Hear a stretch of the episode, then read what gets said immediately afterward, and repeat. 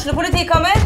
Ine Jansen er purk. Er du purk? The motherfucking bitch. Alt jeg vil, er å finne ut hva som skjedde med mannen min. Jon Carew. Er jeg sikta for noe? Iben Akeli. Det er du. Ole So, Lars Berrum og Big Daddy Karsten. Hvem sin side er du på, egentlig? Anette Hoff, Tone Danielsen, Kommer du fra Afrika? Jørnis Josef, Nesten. Kløfta. Trond Espen Seim, Det er synd å si det, men det var feil mann som døde. Purk. Premiere tirsdag på TV2 Play. Kan jeg få lov til å fortelle en vits som jeg har hørt? Ja, kjør på. Ok, Det er to hvaler som snakker med hverandre. Så sier den ene hvalen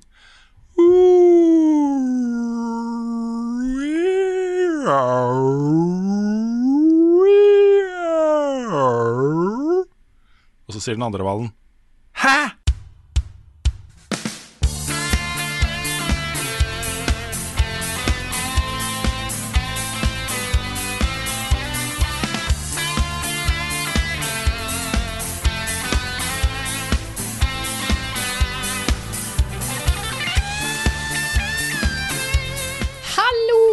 Velkommen til en ny episode av podkasten Level, Level Backup. Podkasten som leverer våre egne nyheter først, sånn at ingen kan like det for oss på forhånd.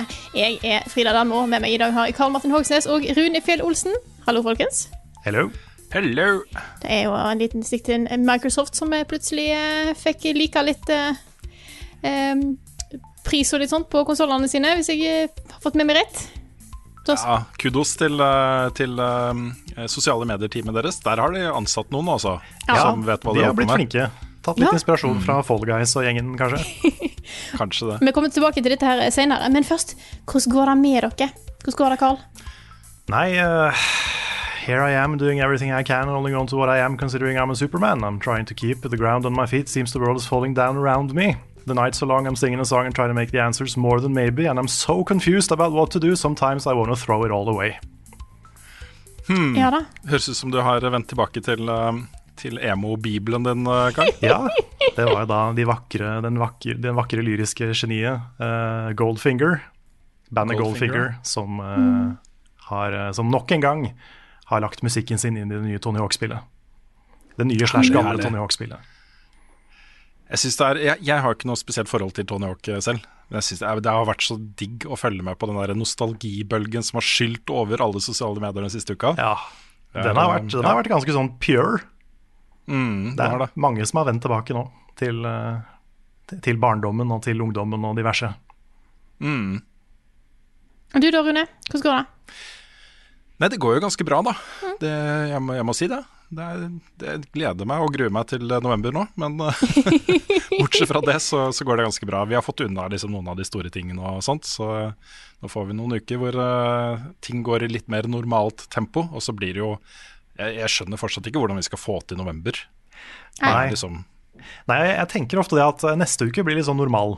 Det, det hender at ikke den blir det likevel, men, men vi, Ja. vi får se. mm.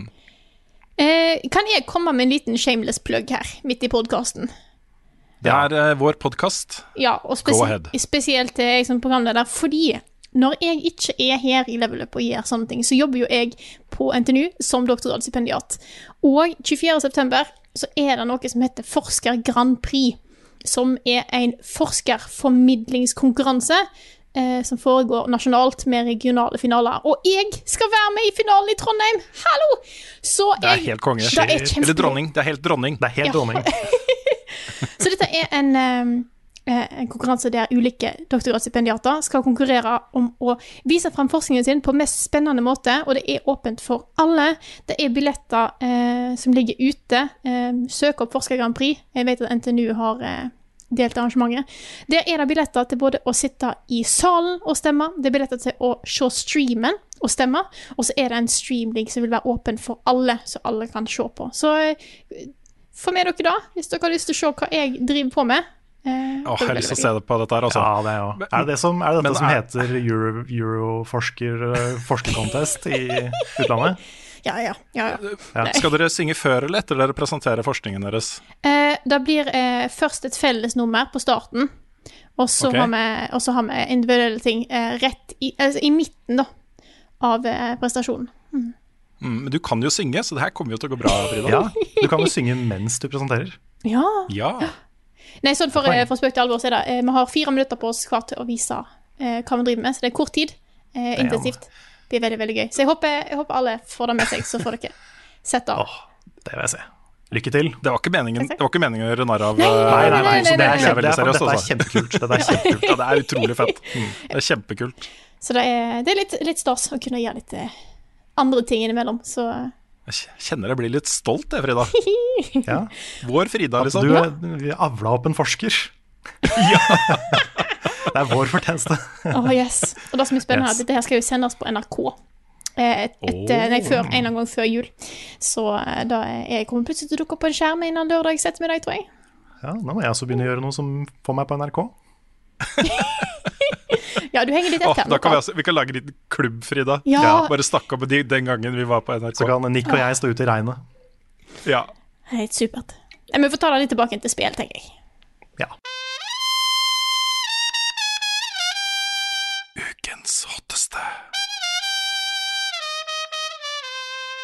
Og nå er i hvert fall den første karten ut av sekken. Eh, pris og Kjente vi T-dato? Vi kjente vel ikke T-dato før nå? Det er bare rykter om november. Ja. Nå har vi pris og dato på eh, Microsoft sine nye konsoller. Hva er det? Ja. Har, du, har du status her, Rune? Ja, da, Vi får begynne med da at uh, det andre ryktet om at det også kommer en billig versjon av den nye- Xboxen, også viste seg å stemme. Og Det er den minste Xboxen noen gang. Den heter da Series S. Fra før av så kjente vi jo til Series X. Som er, den er like stor som et kjøleskap, ikke sant? Det er ikke bare en meme. Den er omtrent Nei, så stor som et kjøleskap. så stor, ja. Ja, ja. Ja, Du kan bo inni den. Nei, den er ikke så stor. ja. Men uh, Series S er jo da billigversjonen. Jeg stusser litt over, uh, over uh, på den. For de sier jo at den skal kunne kjøre uh, i 4K Oppskalert. opp, t ja, men opp til 120 bilder i sekundet. Det, det, høres, det høres nesten for godt ut til å være sant. Da tenker jeg kanskje, kanskje Ori and the Will of the Wisps. Ja, Ja, det, det er ikke sikkert det er de største trippel A 3D-spillene, nei. Nei. Nei, det er litt det jeg tenker, da. Men uansett, det er en god deal. da Mm. Ja, ja. Altså, en, eh, en billig inngang. Mm. Jeg er ikke helt uh, solgt på designet på den. Den svære den ser jo ut som en vaskemaskin. Ja, jeg ser mange har, som de alltid gjør, laga, laga memes. Ja da, det er det man gjør, vet du. Det man gjør det. Jeg synes det ser mer ut som en høyttaler. Ja, Ja. en høyttaler. Litt ut som en høyttaler. Vet du hva, Jeg, jeg syns den eh, designet på den Series X er ganske hot. Jeg, altså. jeg gleder meg til å få den i hus.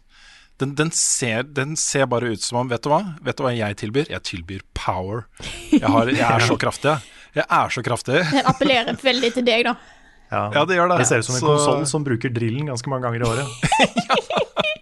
Det gjør det. Men ok, da. Lanseringen blir da 10. november. Det er deilig også. Deilig å få én dato spikra. Eh, og dette her ble jo da lekka. Og jeg er alltid skeptisk til om det kan være en veldig veldig smart måte å annonse det på, sånn at det blir litt ekstra hype fordi det er lekka, uh, eller om det bare skjer med et uhell. Jeg må jo si at her tror jeg på dem da, når de sier at vi hadde egentlig planer da, om å annonse dette her neste uke. Ja. Så ja. Jeg tenker av måten de har håndtert det på, så tror jeg Mm. på at dette her var et uhell. Mm. Ja, jeg gjør det, jeg også. Det som, eh, nå, nå har jo da Microsoft også bekrefta begge deler, både eh, lansering og pris, og Series S. Men de har jo ikke detaljert lanseringen til eh, eh, Series X ennå, og, og hva som blir lanseringsspill. Så jeg tipper det vil komme nå en, eh, en, en eller annen slags event neste uke hvor de skal snakke om det. Så det gleder jeg meg veldig til også. Det er jeg spent på. Men prisen var jo også superinteressant her. Eh, den eh, Series S vil da eh, ligge på anbefalt pris, eller hva er det de kaller det i Norge? Veiledende. Veiledende pris. Veiledende pris, og det betyr jo at det er opp til butikken å sette prisen. Men Microsoft sier da 3299 for Series S og 5499 eh, for Series X i Norge. Det er norske priser, NOK, i en pressemelding som vi har fått tilsendt. Så det er ikke bare, vi har ikke oversatt eh, eh, amerikanske priser. Oversatt, sier jeg. Eh, det heter vel noe annet. Eh, konvertert. Konvertert. Konvertert. Vi er så i synken nå, Frida. Det er veldig Ja, helt knall. Nei, Den prisen har vi fått da fra, eh, fra Microsoft. Men det var et par andre nyheter her som jeg syns er interessante, og som eh, jeg tror eh, eh, mange kan ha godt av å vite om. De, Microsoft har et opplegg eh, i USA som heter Xbox All Access. Og det er basically at du abonnerer på Xbox. Da betaler du et fast månedlig beløp. Du får konsollen, den du vil ha, og fri tilgang til GamePass og Xbox Live og alt de har, da. Um, den kommer også til Norge nå i høst. Og den vil da vil være, tilgjengelig, den vil være tilgjengelig på Elkjøp uh, og koste ca. 250-300 kroner i måneden. Så da kan du da gå på Elkjøp, skaffe deg en Series X, fri tilgang i et år til uh, Xbox GamePass uh, og alle de greiene der. Og EA online, hva? Ja, for det var den andre nyheten. EA Play er nå også inkludert i GamePass. Så alle EA sine spill vil også være tilgjengelig inn der, da. Mm. Uh, så lenge du har abonnerer på den tjenesten. Det er en ganske er liksom også- bra deal, altså. Ja. Ja, det er en ganske bra deal. Vi snakker om du må opp, øh, godt over to år, opp mot tre år. Det er litt avhengig av hvor mange spill du spiller, da. kanskje til og med fem til ti år, for å bruke, øh, bruke opp de pengene du betaler for det, på en måte. Mm. Fordi øh, ja, det er jo da 3000 kroner i uh, året for fri tilgang til alle spillene på GamePass pluss en, en konsoll, ikke sant. Det er en, jeg syns det her er en ganske god deal, altså. Men kan du, kan du gå over fra abonnementet til å da kjøpe konsollen, f.eks.? Akkurat den biten er jeg litt usikker på, men du kan oppgradere. Så det betyr at hvis det da kommer en kraftigere Xbox, så kan du ta med deg din Xbox til butikken og få en ny. Ok. Fordi Så- jeg tenker litt sånn Veldig mange, inkludert meg, er jo veldig glad i å eie konsollen sin. Mm. Så hvis det hadde vært som en, litt mer som en telefon, da, at du betalte holdt på å si litt i måneden, og så etter et år eller to så hadde du konsollen. Det hadde vært, det hadde vært mye dyrere, selvfølgelig. Men, eh, Ja, men ja. jeg tror jo jeg, tror, jeg vet ikke, altså. Jeg har vanskelig for å se for meg at uh, du på en måte betaler ned på konsollen. For da, da blir det plutselig en dårlig deal for Microsoft. Veldig dårlig deal. ja, det gjør det. Det er derfor jeg tenkte at da må det være mye dyrere. Ja. Så eh, ja. Jeg tror jeg kommer til å kjøpe konsollene mine framover. Eh, rett og slett Mm. fordi jeg liker å ha de, og kanskje ta Ja. de fram etter ti år, ikke sant. Mm. Mm. Så- Ja, mange ser jo det som en investering. Du legger de penga på bordet, og så er den, så er den din. Ja. Det, det er jo sant. Men Men uh, GamePass er jo i ferd med å bli Nei, det er sant. Og GamePass er jo i ferd med å bli en bare helt sjuk tjeneste. Ja. Det er, uh, Allerede det er kanskje blitt også. en helt sjuk tjeneste. Ja ja, men altså det er, ja. Jeg er veldig, veldig glad i den tjenesten også. Men det er jo flere nyheter knytta til dette her. Og den største der er jo at uh, Assassin's Creed Valhalla er nå flytta da uh, en uke tilbake. Det kommer nå da 10.11., samtidig med Xbox-launchen. Det syns jeg var en uh, interessant nyhet. ja. Det er sjelden spill blir flytta fram. Da har de jo Mm. bare venta på Microsoft, virker det som. Mm. Jeg tror det også kan, det kan hende at det har, er noen penger som har uh, bytta hender her. Eh, fordi eh, Halo ble jo da utsatt. De har ikke den der store eksklusive launch-greia. Eh, og det kan hende at det største som kommer til Series X og Series S, er tredjepartsspill av type da Valhalla. Så um, er nok noe sånn taktikkeri knytta til dette her også, tror jeg. Jeg, jeg leste også at utviklere har fått beskjed om å utvikle for Xbox Series X, og så skalere ned istedenfor motsatt. Oh, ja. Ja. Det er litt interessant, syns jeg. For da, da, får jo, uh, da får jo de som har en S, en litt uh, kjipere versjon, sikkert. Ja. Men det at det går den veien og ikke den andre veien, er jo det er litt sånn fiffig ting. Ja, så kan du jo risikere da, at man sitter der, eh, de som har Series S, bare sitter med den ene ræva optimaliserte etter det andre. Ja, for det er det. Spillet etter det, det er andre. det jeg tenker litt på. Altså, det, er jo, det er jo kult at man får det teknisk beste på den beste konsollen og, og sånn, men det er jo Mm. mange eksempler på spill som er dårlig optimalisert for gammel hardware, eller dårligere hardware. da. Ja da. Så, sånn som eh, en del uh, seint ute 3DS-spill kjørte jo utrolig dårlig på de tidlige 3DS-ene, f.eks. Mm.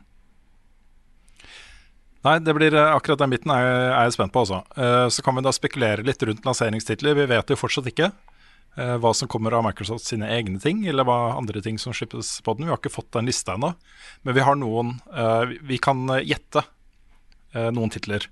Eh, og da i tillegg til Valhalla, så har du da det spillet som heter The Medium. Som er PC- og Xbox-spill. Ja, er det launch? jeg, jeg tror det blir launch. Ok. Det er uh, I hvert fall det har jeg sett folk eh, eh, spekulere i, da. Så um, ja. Det er eh, det, det står oppført med 2020 og sånne ting, liksom. Så, så det er det ene. Og så er det The Artful Escape, han fyren som spiller uh, elgitar. Ja. Ja! Ja. Det er også PC og Xbox. Um, og så er det 12 Minutes. Ja. Dette uh, spillet med Willem Dafoe og Daisy Ridley og Tom McAvoy. Stemmer. Ja, det er også PC og Xbox. Uh, du har selvfølgelig Ori and the Will of the Wisps, og sikkert da Blind Forest i en eller annen samlepakke something something. Um, sea of Thieves tror jeg nok kommer i en uh, kraftig oppskalert versjon til launch. Um, og Black Ops Cold War mest sannsynlig også til uh, launch, så i hvert fall rundt launch. Og så er det store spørsmålet har Microsoft noe eget på vei. ja. De mest åpenbare kandidatene er kanskje Everwild fra Rare. Det tror jeg nok er i hvert fall et år unna. Ja, så Men, tror det er ganske lagt langt unna. Ja. Redd for det. Uh, og så Forza. Kanskje det kommer noe Forza til launch. Jeg tror heller ikke det også, men uh, Nei. Men det er faktisk en bedre lineup enn uh, enn jeg trodde, da, hvis det stemmer at alle de du nevnte nå, kommer til launch. For Mm. altså PS4-launchen eh, var jo tragisk. ja, ja, ja. Og Xbox One Kommer kom jo ikke til Norge etter, før mange måneder seinere. Så vi hadde en litt det. start på den generasjonen her. Ja, vi har hatt en ganske kjipe starter på ganske mange generasjoner hvis vi ser tilbake, sånn som PlayStation 2 f.eks. Mm. Det aller beste spillet til PlayStation 2 var SSX. Ja. Det er liksom, Bak der var det ikke mye, mye bra, altså. Og så er det Wii U, Så- det var jo bare tragisk. Ja. Men jeg tror Ubisoft har vært der på nesten hver eneste launch. Det tror jeg også. De er ganske kjapt ute med å ligge med nye konsoller. Altså. Sånn med en gang. Så er det sånn bam! Rayman, Assassin's Creed, vær så god. Ja, hvor er Rayman? Ja, Rayman har vi ikke fått. Men eh, når vi snakker om, spør om hvor ting er, så er det jo Nå, nå har en av de store gigantene kommet ut med, med dato og pris. Nå venter vi jo bare på Sony. Ja. Ja, det blir veldig spennende. Nå er det, det har jo vært en sånn game of chicken, dette her. Hvem er først ute med å legge kortene sine på bordet, ikke sant. Nå har Microsoft gjort det. Så nå hvert øyeblikk. Det Ja. kan skje nå, liksom. ja, jeg forventa nesten at det skulle komme samme dagen. Ja. Ja. Liksom, ok, nå er Microsoft ute, kjør. Nei, men da, da virker det veldig opp... opp altså, det Ja, er de, må, de kan ikke være så obvious, nei. Nei, det er Nei, for obvious. det. Kanskje. De må, de må spille litt Åpenbart, kostbare åpenbart. først. Altså, nei, nei, vi bryr oss ikke om hva Microsoft nei, gjør. Vi hadde planer om den, tilfeldighet ja, Vi hadde planer om noe uansett, vi. Mm. Det at PlayStation er fem kroner billigere enn Xboxen, er helt tilfeldig. Ja, det, Ja, jeg, vet du hva, jeg tror, jeg tror ikke eh, Jeg tror eh, Xboxen blir eh, billigst, jeg også. Ja, jeg Ja, det, Eh, det kan hende. Den, den ser ikke billig ut, den PlayStation. jeg tror Nei. fortsatt at eh, PlayStation kommer til å være minst 5999. Da Jeg tror jeg. for at du har Ja, jeg også tror det. 5999 tror jeg er eh, PlayStation 5-prisen. Det ville jeg satt penger på. Ja. For hvis det er mer enn det, så begynner man å miste folk, Ja. tror jeg. Jeg tror 6499 er liksom litt over grensa til hva som er greit for de fleste. Men det er kanskje så vidt innafor. Men blir det mer enn det igjen, så er det helt uaktuelt, for da blir det Dreamcast. Og den gjør er det ikke bra i Norge. Men jeg er, jeg er jeg er spent på å se hva, som, eh, hva mer som eh, viser seg rundt eh, Xbox launch nå. Eh, jeg vil også bare si at jeg er, jeg er spent på hva som skjer med om folk skjønner at det er en ny ting. For jeg husker det var jo en case med Wii Wii U, at navnet var for likt. Jeg syns Ja. at X, nei, Microsoft har gravd seg litt ned i et navngivningshull her, altså. Ja, de navna har ikke De er ikke smarte i det hele tatt. Nei, det her, det her er, det blir en kjempeutfordring for dem. For har, nå har du liksom Forrige generasjon er Xbox eh, One, Xbox One X og Xbox One S. Og så kommer det Xbox Series X og Series Ja, for, S. for det er jo naturlig å tenke at Xbox One X er en del av Xbox Series X. Ja. Så det, det gir ikke noe mening. Nei, det gjør ikke det, altså. Jeg, det, jeg, ja, det er litt sånn Jeg, Jeg vet ikke. Eh, Det er på en måte et slags signal da, om at eh, selve konsollen i seg selv kanskje ikke er det viktigste for Microsoft. Nei. At Så lenge du er på Xbox, så er det ett fett hvor du er, for du har et GamePass, ikke sant? og du kan spille på alt mulig rart. Ja, for det, det er det som er litt interessant med den generasjonen som kommer nå. At det er så fullstendig forskjellige eh, strategier fra Microsoft og Sony. Fordi det er nettopp det Microsoft har gjort, at de driter i om du kjøper Xboxen, egentlig. De er bare opptatt av å få deg inn i systemet deres og GamePass og sånne ting. Det er liksom det, er det som er viktig. Og da blir eh, strategien deres og det de faktisk gjør, noe helt annet. da. Men Sony er mye mer på eksklusiver og selger PlayStation og den delen. Er Ja, jeg er fortsatt ikke helt sikker på hvem av de to strategiene jeg liker best, da, som spillinteressert. Nei. Nei. Nei, det er same. Jeg er jo Altså, jeg skulle jo på en måte ønske at alle PlayStation-spillene kom på alt. Bare sånn fordi det er det mest brukervennlige der ute. Mm. Men uh, Ja, jeg vet ikke. Jeg har ikke peiling. Nei, Det, det jeg er i hvert fall aller, aller mest opptatt av, og kommer alltid til å være aller mest opptatt av, er spillene. Ja. Jeg vil spille de beste spillene som, er som blir laga. Og det, hvor de er, er ett fett. Det har ingenting å si. Det er, eh, kan komme fra hvor som helst. Så, så lenge det er bra spill.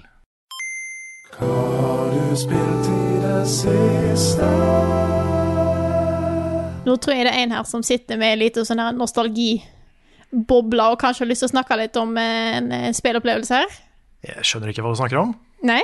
Ja, jeg har spilt ganske mye Destiny i uka som har gått. Ja, det har så det, ja, kan snakke Fylt litt av en sånn boble av nostalgi fra nåtiden. Nei, Carl, det er Tony Hawk. Det er det. Ja. Tony Hawk 1 pluss 2 er så å si Det, er- det er bortimot perfekt, altså. Oi. Og det, det er så deilig, fordi den serien har vært så sugen i så mange år. Det har nesten ikke kommet et eneste bra spill eh, siden eh, 360 PS3-generasjonen, tror jeg. Det er så lenge siden. De har liksom prøvd seg på rare controls. De har prøvd seg på Tony Hawk 5, som var helt krise. Og de har til og med laga en HD Remaster av 1 og 2 før, på PC blant annet, som også sugde. Så det er liksom. Man hadde jo Altså, jeg hadde veldig lite tro på Tony Hawk nå, men så kommer det spillet her, laga av Vicarious Visions, som står bak en del av de, eh, de mobil, eller ikke mobil, men håndholdt portsa til eh, Tony Hawk-serien. Og de er dritflinke. De har gjort alt riktig. Og det er bare en sånn perfekt modernisering av de to første spillene. Jeg kunne omtrent ikke bedt om noe mer. Det er liksom små nitpics jeg har, men det er så lite at um, jeg er dritfornøyd. Ah. Jeg er skikkelig glad på dine vegne, Karl. Mm. Ja, det er liksom, deg de har skjønt hva som er viktig for folk med den serien, Ja. virker det som. De har Mm. altså musikken, for det første. Det, den er der. Jeg tror nesten alle, hvis ikke alle tracksa fra originalene er med. Og det er jo lisensiert musikk, så det var sikkert et helvete å få lov å bruke det. Ja. uh, I tillegg så er det ny musikk som Jeg ble veldig overraska over hvor bra den matcha den gamle musikken. De har liksom funnet mye mer musikk som har nøyaktig samme vibe. Da. Og det er kult. Ja. Og det ser bra ut, og det føles som å spille de gamle. Uh, og de gamle er jo fortsatt dritbra. Det er det som er tingen, at du, du kan plukke opp de gamle spillene på PlayStation 1. Det er litt dårlig framerate og sånn, siden det er PlayStation 1, men det er fortsatt bra spill. Mm. Altså kon Kontrollsystemet er awesome og i det hele tatt. Men i tillegg da, så har de lagt inn en del ting fra eh, 3 og 4 og Underground og sånn. Og Det er da som f.eks. Eh, reverts, som det heter. Og det er sånn når du lander, så kan du snu skateboardet og fortsette en kombo. Eh, og da får du jo sånne helt sjuke komboer etter hvert, hvis du klarer å bruke det riktig. Så uh, da går du fra liksom litt crazy komboer til helt ekstreme komboer. Uh, og det er, det er gøy å kunne gjøre det i de første spillene, for det kunne du ikke i originalene. Og det er liksom, de, de har bare de har møtt på en del sånne dilemmaer underveis, og så har de bare tatt riktig valg hver gang. Kult. Det er kjempebra. Og Tenk jeg- at du har fått både Final Fantasy 7 remake og Tony Hawk 1 pluss 2 I know. På ett og samme år, Carl. På samme år, ass. Hva syns du om 2020, Carl? Nei, det suger. Men, men, ikke, men ikke spillåret 2020, det syns jeg er bra. Ja. 2020 kan eh, ta seg en bolle, men ikke resten av Ikke, ikke spillåret. Spillåret har vært veldig bra. Så eh, nei, jeg er kjempefornøyd. Eh, Det kommer en anmeldelse. Den, jeg tør ikke helt å love nøyaktig når den kommer, men den er ferdig skrevet og voisa. Jeg må bare, jeg skal filme noe greier. Så Du skal filme noe greier. jeg skal filme noe greier. Jeg Jeg vet du har en sånn derre det der, uh, uh, skateboardet. Jeg vet du har det. Du har brukt Ja. det før. Jeg har brukt det før. Jeg har ikke tenkt å bruke det nå, faktisk. Nei, ok, greit. Jeg har en annen, en annen plan. Ja. Men jeg, jeg så du tvitra noe om at det var ikke så lett å skrive dette her, så ha, er det en anmeldelse som handler litt om spill òg, ikke bare musikken og Nei, Nostalgien? det jeg endte opp med å skrive ganske mye om, eh, sånn som jeg gjorde da jeg lagde klassikerinnslag, om Tony Hawk 2. Eh, om liksom eh, det å vokse opp i Tønsberg og være upopulær og oppdage den musikken her som handla om å være upopulær. Og, og liksom ble, jeg ble introdusert for punkkultur og sånn på første gang. Eh, og jeg hadde jo ikke liksom Jeg visste jo ikke hva noe av det var. Så eh, som en litt sånn forvirra tolvåring så traff det på akkurat riktig sted. Så det måtte jeg skrive litt om, da.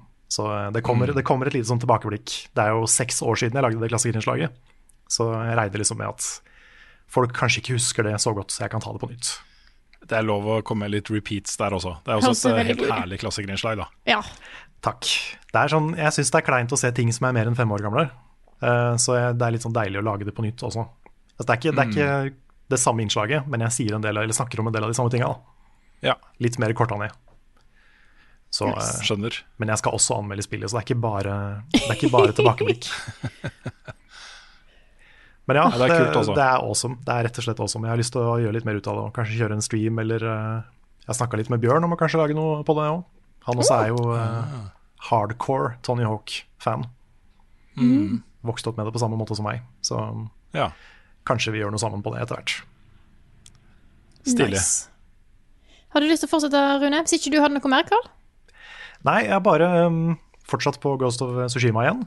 Jeg ble, ble litt skuffa i går, fordi jeg tok hver eneste Mongol camp eh, nede i første område, og så fikk jeg ingenting for det.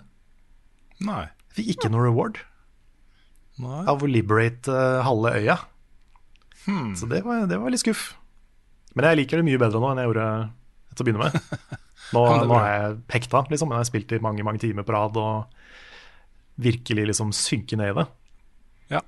Så um, jeg, det tok, tok meg litt tid å sette meg inn i kampsystemet. Det er et par ting som er sånn Jeg vet ikke, men jeg tror kanskje jeg syns det, det spillet kunne klart seg uten stance-systemet. At det kanskje er mer kronglete enn det er kult. I hvert fall for min del. Ja, jeg vet ikke. Um, Jeg, jeg, jeg syns det ble ganske digg etter hvert. Særlig når du fikk flere stands. For Ja. det tilførte et element til de fightene som jeg syns var litt eh, kult. For det allerede, da, før du begynner å tenke stances, så prioriterer du fiender.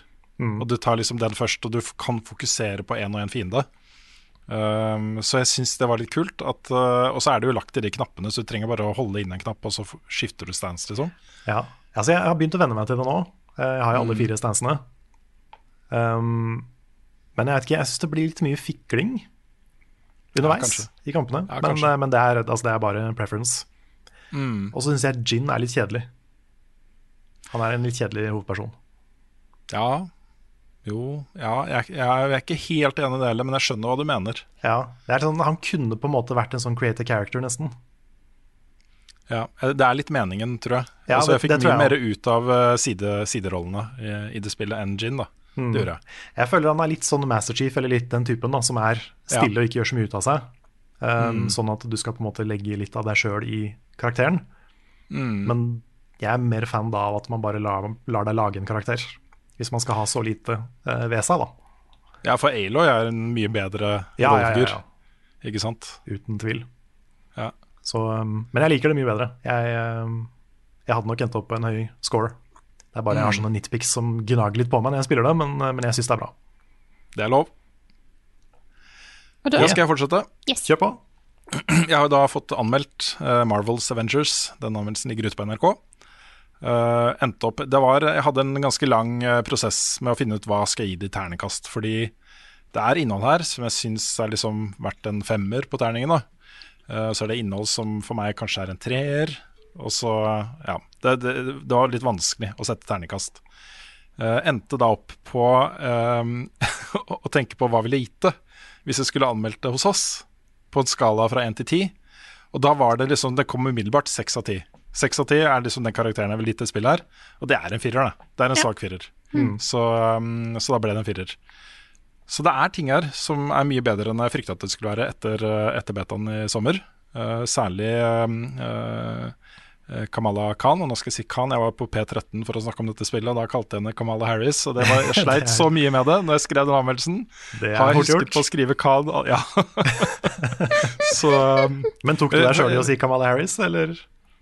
ikke før jeg hørte på det etterpå, så det oh, nei, okay, har gått ut til det norske folk. Ja, så i Avengers spiller du som Kamala Harris. Ja, Så Joe Biden blir DLC. Ja, det er de to eneste Kamalaene jeg vet om i hele verden, så, ja, og begge er i nyhetsbildet akkurat nå. Men, men jeg syns Kamala Khan er en fantastisk rollefigur. Og jeg har ikke noe forhold til Miss Marvel og hennes rollefigur fra før. Dette er mitt første møte da, med henne. Og hun er jo en representant for Marvel-fansen. Hun representerer oss, på en måte. Og så eh, alle de som har trukket av hele Marvel-universet til brystet sitt som en slags feiring av å være annerledes og ikke passe inn, og uh, dyrke liksom, eller feire det heltemodet og alle disse tingene der, da. Det, og, og på en måte uh, knytte seg ganske tett til de mellommenneskelige forholdene mellom de forskjellige superheltene og sånne ting. Hun er på en måte det perfekte, den perfekte representanten for det. Et slags bindeledd mellom fansen og Avengers, ikke sant? Eh, og det funker så bra i dette spillet her, altså. For hun eh, kommer inn og er jo starstruck og superfan av disse superheltene. Det, hun har klistra rommet sitt fullt av eh, eh, plakater med alle disse heltene hun møter, da, gjennom spillet, ikke sant. Og så er hun allikevel sånn Hun tar ansvar. Det er hun som sørger for at de legger fra seg doom and gloom, kommer sammen igjen for å, for å møte denne nye trusselen da, mot menneskeheten. Det er, det er kjempekult, altså. Skikkelig skikkelig bra løst. Og ikke bare fordi hun er kvinne og ung og muslim, men også fordi hun bare er en, en sånn type eh, nerd som jeg også føler representerer meg, da. Og det, det, jeg blir så glad for å se sånne ting. Jeg syns det er kjempekult. Så eh, i motsetning til da eh, Betan tidligere i sommer, så fikk jo hun masse plass i historien, og hun bærer historien. Eh, og, og det funker så bra, altså. Eh, så mm, jeg ble fryktelig glad for at det, det hadde det aspektet også. At ikke det bare var møllerslåssing, reise et sted, ny mer møllerslåssing, reise et sted, mer møllerslåssing. Men at du fikk de rolige øyeblikkene hvor hun overtaler liksom Bruce Banner til å ikke gi opp på sånne ting. da. Det funker kjempebra. Hmm. Har, ellers så eh, er det liksom jeg, jeg har ikke begynt på det nå, men jeg, jeg tenkte jeg skulle i hvert fall prøve å spille gjennom campaignen. For jeg har hørt at den er ganske bra. Ja, den er ikke også Det som er litt tingen da, mens man sitter og spiller den også, så tenker man shit, det her er jo ganske bra. Og eh, dette funker, og dette er gøy, og nå koser jeg meg og sånt. Den neste umiddelbare tanken hos meg nesten hver gang var Spiderman var jo mye bedre, da. Eller God of War. Å, ja. Og så, så den er ikke, det, de, de er ikke på det nivået. De er ikke på øverste hylle på alle de tingene. Så selv om historien er bra, selv om det funker og selv om du koser deg, så er, man må huske at dette kan gjøres mye bedre. Og Med en gang man tenker det tanken, så blir man litt skuffa igjen. da. Så man har, det, man har det fett og har det gøy og sier dette er bra, og så blir, åh, blir man litt skuffa. Det er gangen gjennom historien. da. For, for meg i hvert fall, så var det litt sånn. Så det er liksom vesensforskjell på, uh, på da Spiderman og God of War, særlig de to spillene, føler jeg, fordi de bruker på en måte litt sånn superkrefter på litt samme måte og forteller litt den nære historien med uh, uh, veldig sånn likende rollefigurer og sånne ting. da. Så mm, ja. Og ellers så er jo eh, Marvels Adventures er jo Det er Destiny. Altså mitt, mitt, referanse, mitt referansepunkt blir jo Destiny, men det er Ja, andre spill også. det høres ut som riktig referansepunkt. Ja, fordi de har sett på Destiny. De har sett på Warframe, de har sett på Division 2, og, funnet, og så brukte jeg som mal da, for å lage denne Games as a Service, uh, multiplayer, online-biten. du har vendors som gir deg bounties, og du kan skaffe gear fra de. Og det, det, er liksom, det er så likt, da. Um, Det er så åpenbart hva de prøver å få til, og det er jo å bare holde spillerne der så lenge som mulig. Uh, introdusere nye heroes, eh, gi dem muligheten til å levele opp ene superheroen etter den andre. Eh, det tar litt tid, altså, å få makse ut en, en av disse heltene her. Um, og det er, Jeg vet ikke om det spillet her, eh, om Adventures trenger et sånn type spill. Altså Hvorfor skal jeg legge inn en ny brystkasse på The Hulk, liksom? Eller uh, hvor, hvor, også, hvordan kan Ironman bli, bli sterkere? Han er jo liksom allerede Altså, Ja. det er noe som skurrer der for meg. Så selv om man blir litt hekta av den der loopen, eh, med lut og oppgraderinger, og du blir litt bedre og får en ny ability og bla, bla, bla, liksom. Ja, kanskje hvis, det de, sånn. kanskje hvis de isteden hadde liksom nye Ironman-suits eh, som ga deg bedre Ja. sats, eller nye Altså Det finnes jo forskjellige versjoner av Hulk, f.eks. Mm. Nå kan jeg ikke så veldig mye om Hulk-universet, men det er jeg vet at det finnes noe Red Hulk og sånn. Ja. Så det er liksom, men- du går an å gjøre ting der òg. Det jeg tenker på, da, er det Føles den eh, på en måte bounty loot-greia naturlig, eller er det veldig åpenbart sånn for spillerne at ja, dette har de lagt inn for å holde meg her, liksom, og det er ikke tilfører noe? Jeg vet ikke. Det som er hjertet i, eh, i online-spillet uh, Avengers, er jo at du, uh, ja, helst da sammen med kompiser, stikker ut i kamp med hver din superhelt. Og så har du sånne svære battles hvor The Hulk dundrer løs på ene kanten av slagmarken, og uh, Ironman fiser rundt i lufta og skyter ting med laser, og så kommer Thor inn med hammeren sin. Altså, den, den følelsen, da, at du samler de Avengers for å slåss, det er det det går for. Um, det er ikke nok til å bære et, et online-spill. Det, det, kommer ikke til folk til å holde på med lenge. Så alle de andre tingene er lagt inn da for å gi deg noe å chase, ikke sant. Uh, og jeg vet ikke om jeg Jeg vil ikke kalle det unaturlig, men jeg er samtidig ikke helt sikker på om Avengers trenger det. Om det er en riktig beslutning for dette spillet her, da. Det kan hende at det hadde holdt da, å lage en litt mer begrensa contained opplevelse, som kanskje tilbyr nye campaigns eller nye historiegreier som delelse uh, isteden. Det, mm. det, vet jeg ikke. Men er, Jeg har ikke lyst til å sitte der og være spilldesigner heller. Jeg skjønner jo at jeg har lyst til å tjene penger, men det er jo på en måte det som jeg tror er motivasjonen deres. da. Mm. Så ja. Så jeg kommer nok ikke til å bruke så mye tid på dette her framover, tror jeg. Jeg føler meg ferdig med spillet. Det var deilig å sette det ternekastet og tenke at ja ja, da har jeg opplevd det. Mm. jeg har lyst til å nevne et par ting til, da. Fordi jeg tenkte at um, noen av oss Noen av oss må jo spille Crusader Kings 3. Det er et spill alle snakker om, det får toppscore overalt. Uh, det, det, er på en måte en sånn uh, Divinity Original Sin 2 uh, greie som bare går oss sånn hus forbi. da. Så jeg har faktisk spilt gjennom tutorialen i Crusader. Kings 3. Jaha. Det er tilgjengelig gratis på da X, Xbox GamePass. Ja. så da, jeg trengte ikke å betale for det.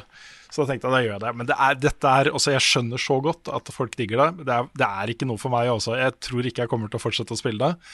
Fordi her har du uh, et Det er en såpeopera, da. En sånn medieval såpeopera med hundrevis av forskjellige rollefigurer å forholde deg til, og relasjoner og giftermål og gaver til de og bestikkelser av de. Og det er liksom, det er lasses på med ene etter andre, og til slutt så sitter du der sant, med et nettverk av beslutninger som er så stort da, at eh, jeg blir Jeg, jeg, jeg, jeg syns det er gøy, da. Jeg, synes, jeg, jeg ler av det, men jeg orker ikke Jeg orker ikke å sitte og manage det universet. Det er for mye.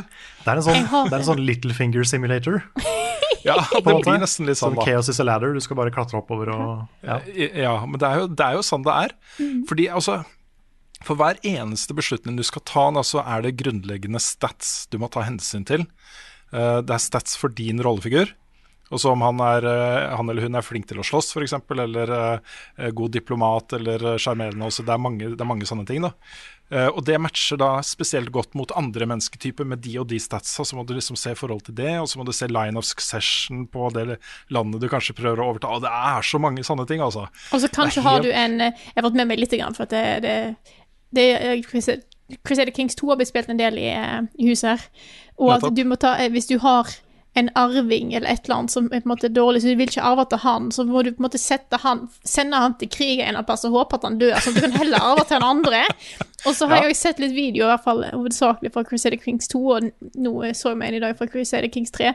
Du har mulighet til å gjøre Jeg har sett mye sånn challenge-videoer. bare sånn, La oss se hvor innavla vi klarer å få denne familien her. Ja. Sånn. Så du, du, har en del ting du kan tulle litt med, da, for det er så det er så stort, virker det som. Uh, så jeg tror det er sånn hvis du, hvis du, digger denne serien her, så tror jeg du har mye å ta av. Jeg har fått med meg at en av de nye tingene nå er at du kan starte en egen religion. Som du kan begynne ja, okay, nei, Det har jeg ikke kommet til, så det vet jeg ikke. Nei. Hmm. Men det, er, det, her såpeopera-aspektet er sjukt kult, altså. Fordi er, eh, disse rollefigurene er så morsomt skrevet og har så kule personligheter og sånne ting. Og det å drive og mikse og matche da, og sende liksom uh, på en måte søknad da, om, om giftermål til sånne uh, herrer i Frankrike mens du er i Irland, og så begynne å bygge liksom universet ditt på den måten. Mm. Det er jo kjempegøy, og du kan lage sånne historier, men det innavla med alt mulig rart. Er, mm. jeg, jeg, så en av de morsomste som var uh, en som var litt som meg, da, som ikke kjente til en serie så godt fra før. Og som spilte litt sånn blindt, og ikke helt, hadde ikke helt taket på alle tingene. Hva var det han skrev igjen på Twitter? At uh, han hadde, han hadde endt opp med å drepe Var det drepe broren sin og gifte seg med søstera si eller noe sånt i en sånn derre forsøk på å overta, men han hadde ikke helt fått med seg hva de het og hvem de var i forhold til han og sånne ting. da Så han hadde gjort det ved et uhell, ikke sant? Here's my sister cousin wife. Det er jo kjempemorsomt. Ja. Og så har du et council ikke sant, med, med folk som skal hjelpe deg, og de har jo sine egne personligheter og sine egne greier, liksom. Åh, ja, det er, så, det er så mye. Men det er, det er uh, ordentlig bra laga, altså. Så det, det at jeg nå sitter og sier jeg orker ikke, jeg orker ikke, jeg orker ikke, det er, ba, det er It's all on me. Det har, handler bare om meg og hva jeg har kapasitet til akkurat nå. Hva hodet mitt klarer å håndtere. Så ja. Det høres ut som en sånn ting man kan ligge våken om natta og bare planlegge. Ja, altså, det her kan ta over livet ditt. Ja, Hvis du, fordi det er, det er så intrikate plots etter hvert, ikke sant? Eh, med så mange relasjoner og så mange ting du planlegger og pønsker ut, og du har schemes og alt mulig rart. Ja, det jeg- liksom Jeg tenker at jeg blir jo liksom Jeg nevnte det jo i anmeldelsen av Spiritfarer, at eh, jeg blir jo stressa av Stardew Valley. Så jeg, jeg tror ikke jeg heller er helt uh, mottagelig for det akkurat nå. Altså. Nei. Men Det hadde vært morsomt da en dag å ta en stream hvor, eh, hvor jeg bare gjør det seerne sier jeg skal gjøre. Ja, gjør det. Det hadde Ja. Det hadde vært, det hadde vært kjempegøy. Da vil Altså. jeg være med. Det høres kjempegøy ut. Ja, ja. Yeah, Så jeg skal prøve, prøve å få til det.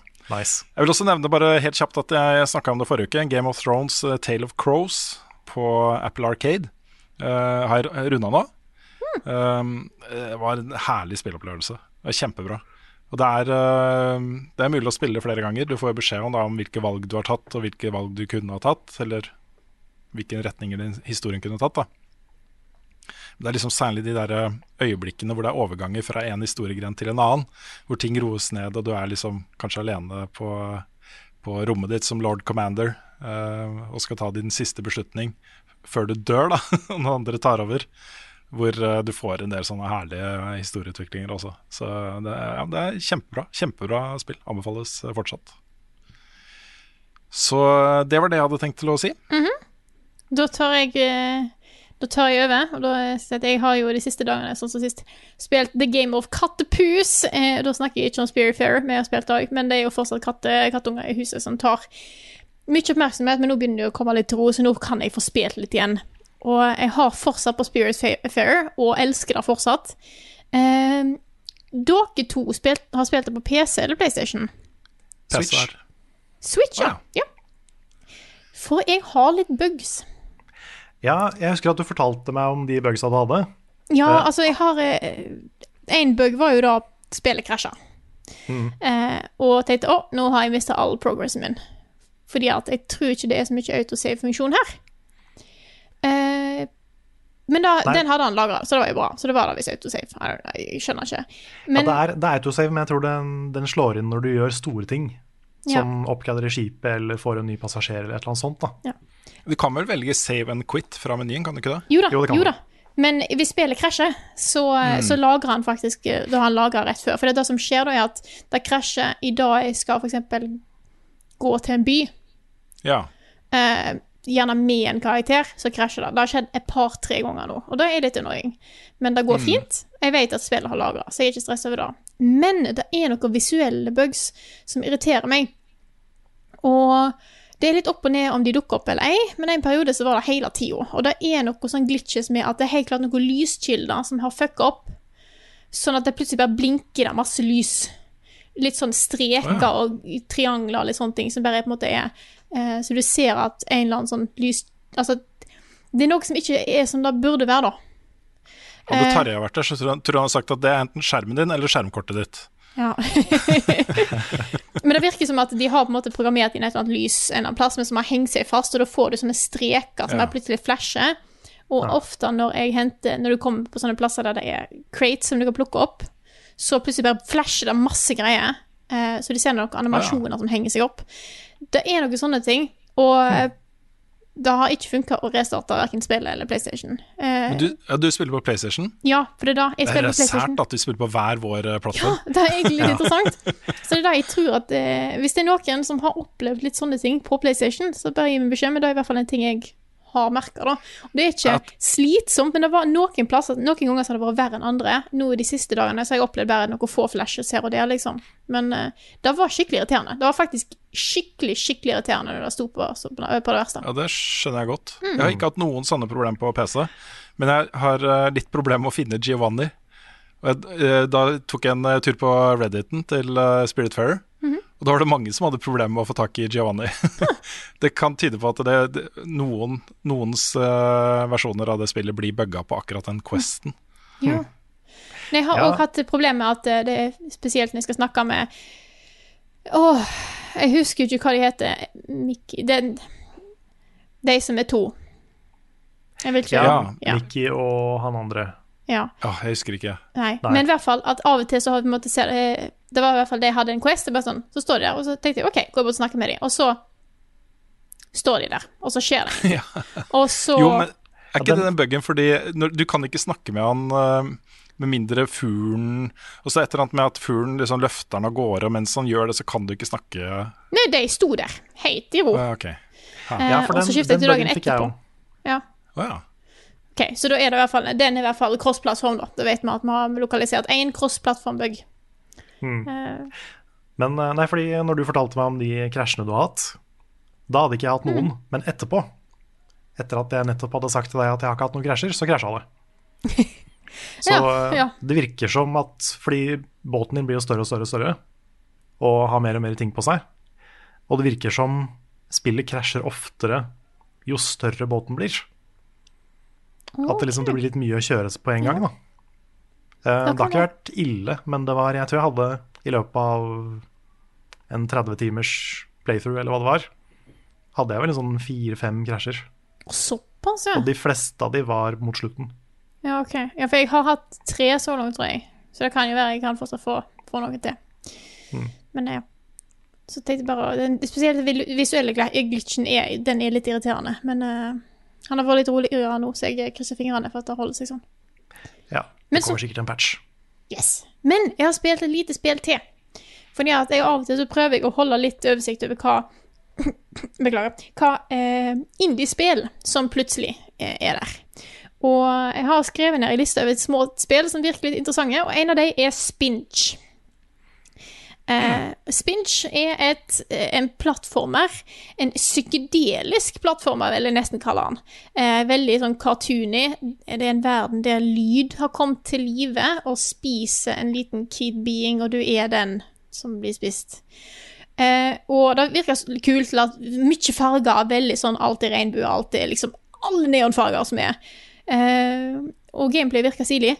Det ble faktisk for psykedelisk for meg. Det ble for intenst. Det var for mye flashes og sånn. Sånn, jeg ble helt sliten. Jeg ble helt, helt utslitt av å spille en halvtime, så jeg har liksom ikke tatt det opp igjen. Det kan jo være at jeg var litt mer trøtt den dagen, at det ikke var right timing. Men den var Det ser veldig kult ut, men jeg tror det var litt uh, too intense. Rett og slett litt for Hører dere dette her, eller? Nei? Hører dere dette her? Er det noen som gavler uh, Oasis bak her. Jaha. Jeg tror det slår på mikrofonen min. Jeg pokker oss, jeg prøver liksom å på stikke på kontor. Forrige uke så var jeg hjemme. Det gikk ikke. Da var det bare bråk og hamring ved dører og sånt. Derfor ta det på kontoret, da. Sitter de faen meg og gauker i bakgrunnen her. Får... Det gjør de aldri på kveldene ellers. Nei, det har jeg aldri opplevd på kontoret. Det er Du får hytte litt med neven. eh, Ja. ja. Jeg tror det er sånn opptakshuser. Jeg tror de spiller inn noe et eller annet her nede. Ah, Så, ja. Ja, det gjør vi òg. Ja. Dere får nyte av litt eh, musikk i bakgrunnen. Uh, Det er en fin sang, da. 'Don't Look Back In Anger'. den Ja, er Det er fin, bra sang. Ja.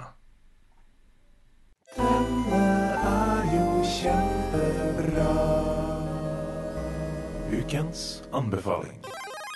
Jeg har glemt hvem av oss skulle ha anbefaling, jeg. Hva var det vi kom fram til? Det blir vel Karl Carl og meg, en slags kombinasjon. Nice. Ja. Yes. Ja. Men jeg, jeg må bare ta bare et par kjappe anbefalinger først. Oi. The Boys sesong to. Mm. Vet du hva, jeg må bare si det er så fett å se The Boys etter å ha spilt i Avengers. Rett etterpå, liksom. Jeg gikk rett fra The Avengers til The Boys sesong to. Det er gøy, altså. Det er skikkelig, skikkelig gøy. Utrolig bra. ja, jeg skal se det. Jeg tenkte jeg skulle spare til hele sesongen var ute. Ja, ok, ja, det klarte jeg ikke. Nei. Det er um, Det er også en av mine favorittforfattere, Joe Abercrombie. Han la ut på, uh, på Twitter i dag, uh, bare en melding. Um, uh, I want my readers to read my books like um, Homelander drinks milk. det var så herlig, altså. Det var utrolig bra. Greit. Det jeg egentlig skulle anbefale, og som du også har sett, Karen, er jo da en ny dokumentar på Netflix som jeg mener alle må se. Alle må se den. Uh, I hvert fall politikerne våre. I hvert fall politikerne våre må se den dokumentaren. Ja, og egentlig alle som liker å dele ting, altså dele artikler og sånn på sosiale Ja. medier. Um, spesielt de som ikke er så kritiske til kilder. De burde se den her. Ja, for dette handler jo om uh, uh, sosiale medier, uh, med da fokus på de største, altså Facebook, Google, inkludert av Gmail, uh, Twitter, uh, Pinterest, alle de store. Det som har skjedd, er at flere av de som har jobbet med å utvikle disse tjenestene, har begynt å få kvaler. Og begynt å få bli redde for det beistet de har skapt. Og i den dokumentaren her så snakker de om hvorfor. Så dette her er jo på en måte en, eh, et innblikk i, da, i hvordan disse sosiale mediene får deg til å ikke bare bruke tid der, men til å endre det av profittgrunner. Altså Ja. Deres motivasjon er bare vi må holde folk på Facebook så lenge som overhodet mulig. Jo lengre vi klarer å holde dem der, jo mer penger tjener vi. Det er motivasjonen. Punktum finale. Ja, Og og det, bak og der ligger det da algoritmer. å- Ja, sorry.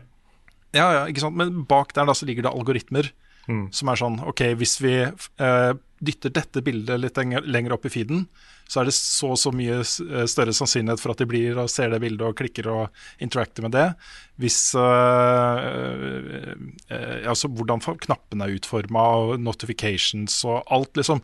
Sånne små justeringer da, som de forsker seg fram til med det målet å bare få det til å bli der.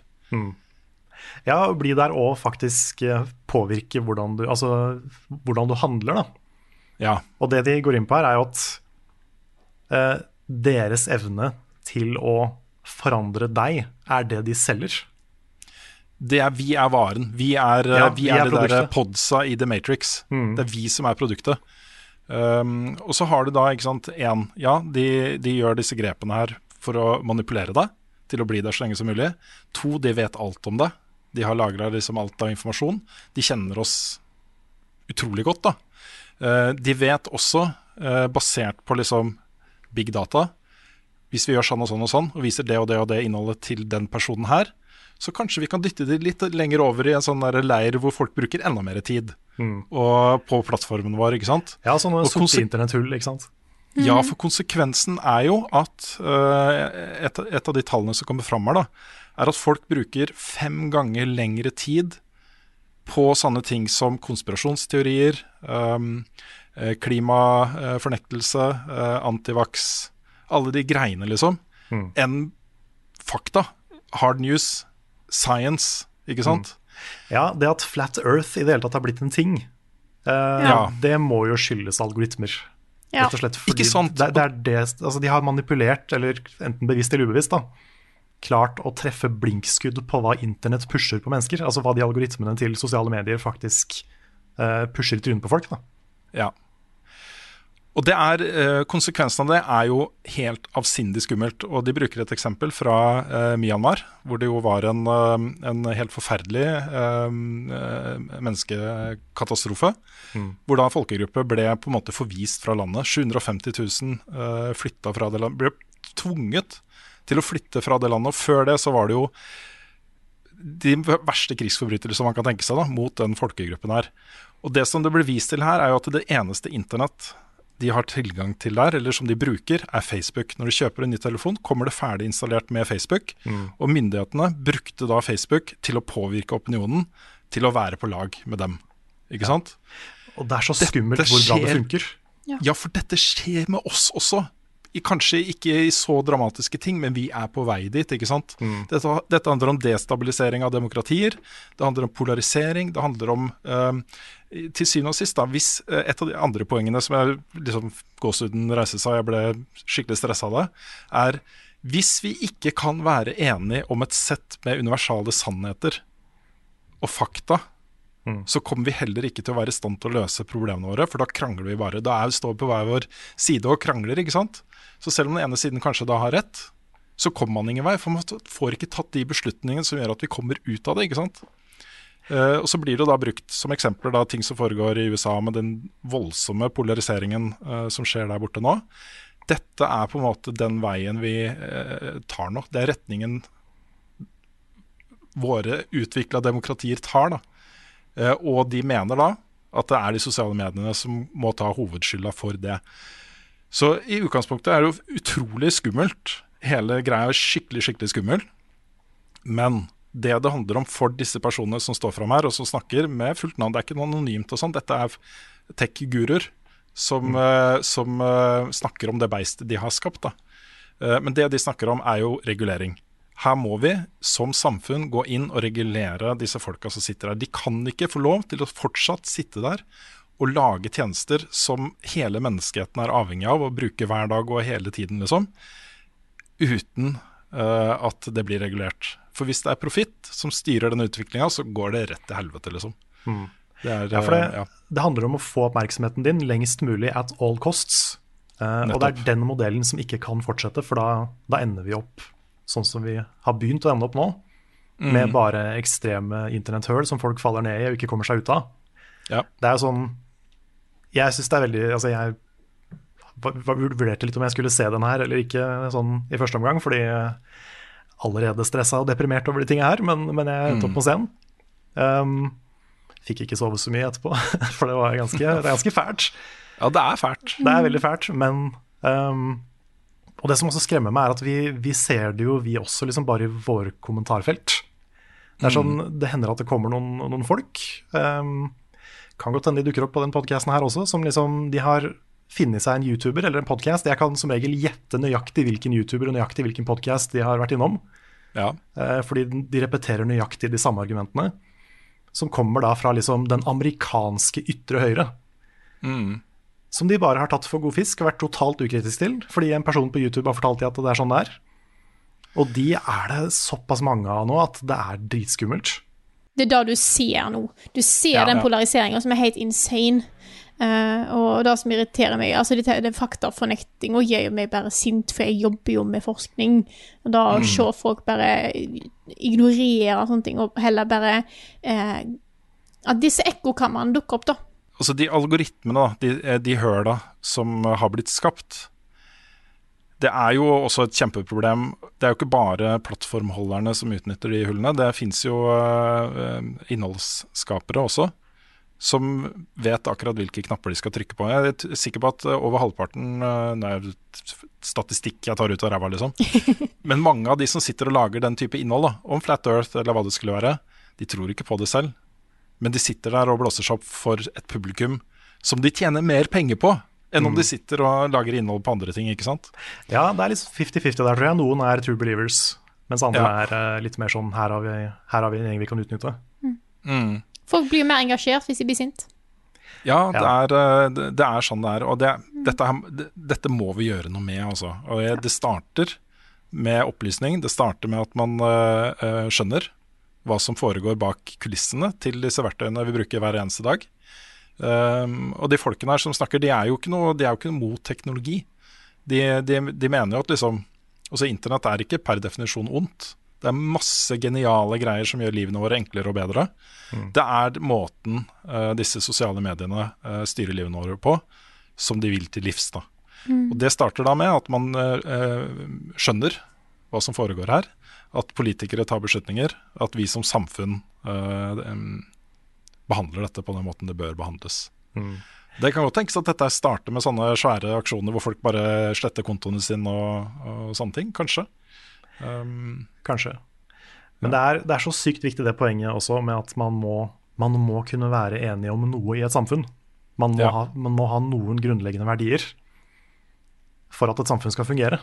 Noe kan ikke være greit også. Jeg er jo helt sikker på at hvis altså Nå har vi jo eh, ekstremvær, vi har masse klimautfordringer som eh, da forskerne mener er menneskeskapte. Um, de aller aller fleste. Vi snakker 95-96% Jeg vet ikke hvem de siste 4% er. Men, um, men uh, her, står det liksom og sier varsko her, varsko her, advarsel. Uh, følg med nå. Altså, dette går ikke riktig vei. Og så gjøres det på en måte altfor lite med det. Det gjøres ingenting med det. Jeg er helt sikker på at vi kommer helt opp i en situasjon hvor ting går skikkelig til helvete. Og det vil fortsatt være folk som nekter for at dette er uh, menneskeskapt, og som hindrer mulighetene våre til å gjøre noe med det. ikke sant? Så um, ja. Jeg synes I Norge så har det veldig lett for å bli en debatt om skam. Og, og det er så utrolig lite interessant om man skammer seg eller ikke. Det, er sånn, det, som, det vi burde snakke om, er jo problemet, og hvordan vi skal løse problemet. Ikke Ja. hvem som skal skamme seg. Det er totalt uinteressant. ja. Jeg er så enig. Nei, jeg må få sette sett, så- eh, jeg må få sett denne her. Ja, og, uh, Tell your friends. Alle, alle, jeg, mener, jeg mener at alle bør se den. da Det Og hva er, var uh, tittelen, Per, som jeg får repetert det? Den heter uh, uh, Det sosiale dilemma. Det, det sosiale dilemma. Det er det samme på engelsk. The social dilemma. Og det er ikke det, er ikke det sosiale dilemmaet på engelsk. Det hadde vært gøy hvis det var tittelen. Ja, Nei. Nei, men Noen ganger så er det sånn Ok, det heter det på norsk, men det heter noe helt annet på engelsk. Og så Ja, finner ja, man ja, ikke når ja. man skal søke etter det og sånn. ikke sant? Men det heter det samme. Dette var jo en dokumentar som jeg husker jeg leste om da den kom. da. Jeg tror den ble vist på Sundance i fjor, kan det stemme? Litt usikker. Den, nei, vet du, de har masse nye tall fra i år. Nye greier som har skjedd i år, med covid og sånne ting. Okay. Um, som jo var et annet poeng, da. Altså fornektelse av, eh, av det virusets eh, dødelighet, f.eks. Har jo drept mennesker. Det har drept mennesker. Det at man ikke har gjort de tiltakene man bør gjøre. Folk dør, liksom. I Ja. vårt samfunn. Så ja. Nei, sosiale dilemma, bare, bare se den. Her kommer nyheter med Rune Fjell-Olsen, og han har ikke hår. Det norske spillet Conan Exiles fra Funcom har jo blitt en eh, mildt sagt ganske massiv suksess. Jeg tror kanskje den største suksessen vi har hatt i Norge ever. Ti millioner spillere. Det er solide tall det er snakk om. Mm. De kommer nå da med sin første store store expansion. Eh, eh, den lanseres som Early Access på PC den 15.9. Heter Isle of Sipta. Det som er litt spennende, for den ble da annonsa på torsdag, er jo at her drar du da til et nytt sted, en, en øy, eh, og starter på nytt. Også, også gamle spillere. Du tar ikke med deg liksom levelet ditt og alle greiene. Du skal på en ny øy, begynne på nytt. Ny historie, eh, nye, masse nye dungeons, nye greier å gjøre. Jeg syns dette her er en spennende måte å blåse litt liv, for jeg tror dette er et sånt spill som eh, kanskje har slitt litt da, med at ok, det har fått ti millioner spillere, men kanskje ikke alle har blitt så lenge. Så Jeg syns dette var en interessant måte å se hvordan kan vi blåse liv i eh, noe som da allerede er en suksess. Hvordan kan vi få folk til å komme tilbake, hvordan kan vi få folk til å bli interessert i dette her. Bare ok, clean slate. Det gjør ikke noe om de ikke har spilt Con Exiles i 100 timer. eh, Det er lavt tall for et sånt type spill. 1000 timer fra før. Her kan du komme inn som ny spiller og få den samme opplevelsen som veteraner. Så er det nesten en oppfølger, er da. Blir jo faktisk nesten det, altså. Det er Destiny 2, liksom. Ja, ikke sant? Men du må ha base Um, gamet for å spille den. Hva sa du? Jeg, tror du må ha basegamet for å spille det. ja. Uh, men det er jo en eh, expansion da, som uh, legges oppå der. Ja. Men eh, jeg, ja, jeg tror du må det. Ja. Uh, masse nye måter å bygge på. eh, masse nye dungeons. eh, masse nye monstre. Eh, det var en sånn herlig mekanikk så i traileren hvor eh, det kommer et sånn derre,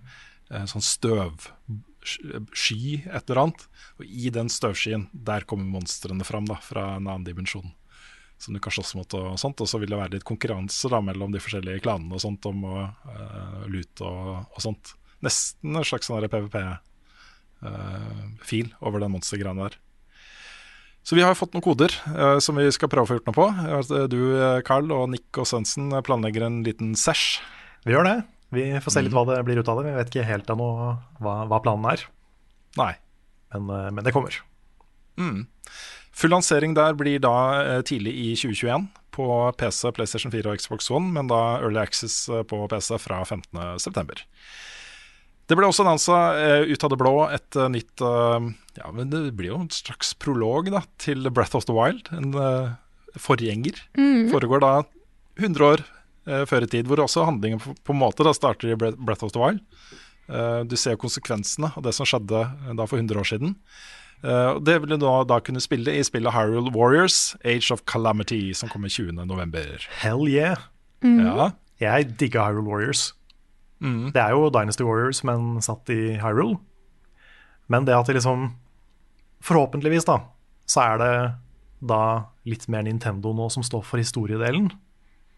I og med at det er satt i Breath of the Wild-universet og sånn. For jeg syns den Jeg vet ikke Hele om spillet, hele spillet utvikles jo av Koei, eller hva det het. Koei Tecmo. Ja. Ja. um, ja den, det, jeg er ikke helt sikker på hvem det er som står for historien, men uh, for den første, den i Hyrule Warriors, var veldig sånn Den var veldig fanservice og veldig anime. Jeg syns ikke den var så bra som en sånn Zelda-historie. Så jeg håper jo kanskje at uh, de har en bedre story den gangen her. Ja, Mye av historien er jo allerede fortalt. Ja, det er det. Det er det som har blitt etablert i. Breath of the Wild, ikke sant? i flashbacks. Ja. Ja. Så, um, så settingen er kjempekul, og gameplay i Hyrule Warriors er awesome. Det er jo veldig Mm. sånn popkorn, at du skal knerte 100 fiender på ett slag og sånne ting. Ja. Men det er jo gøy. Mm. Det er noe helt annet enn det Zelda pleier å være, men det er kjempegøy. Men jeg syns det er, med, eh, med traileren her så følte jeg ble enda mer solgt på konseptet. For jeg har ikke spilt Hyrule Warriors da første. Men dette her med liksom eh, evnene og sånt til de ulike champions og sånn, så syns jeg det så kjempegøy ut. Ja, ja, fordi de fire andre championsa, de er jo perfekte for et sånn type Warriors-spill. De er badass, og de har sine egne movesets, og de er unike, liksom.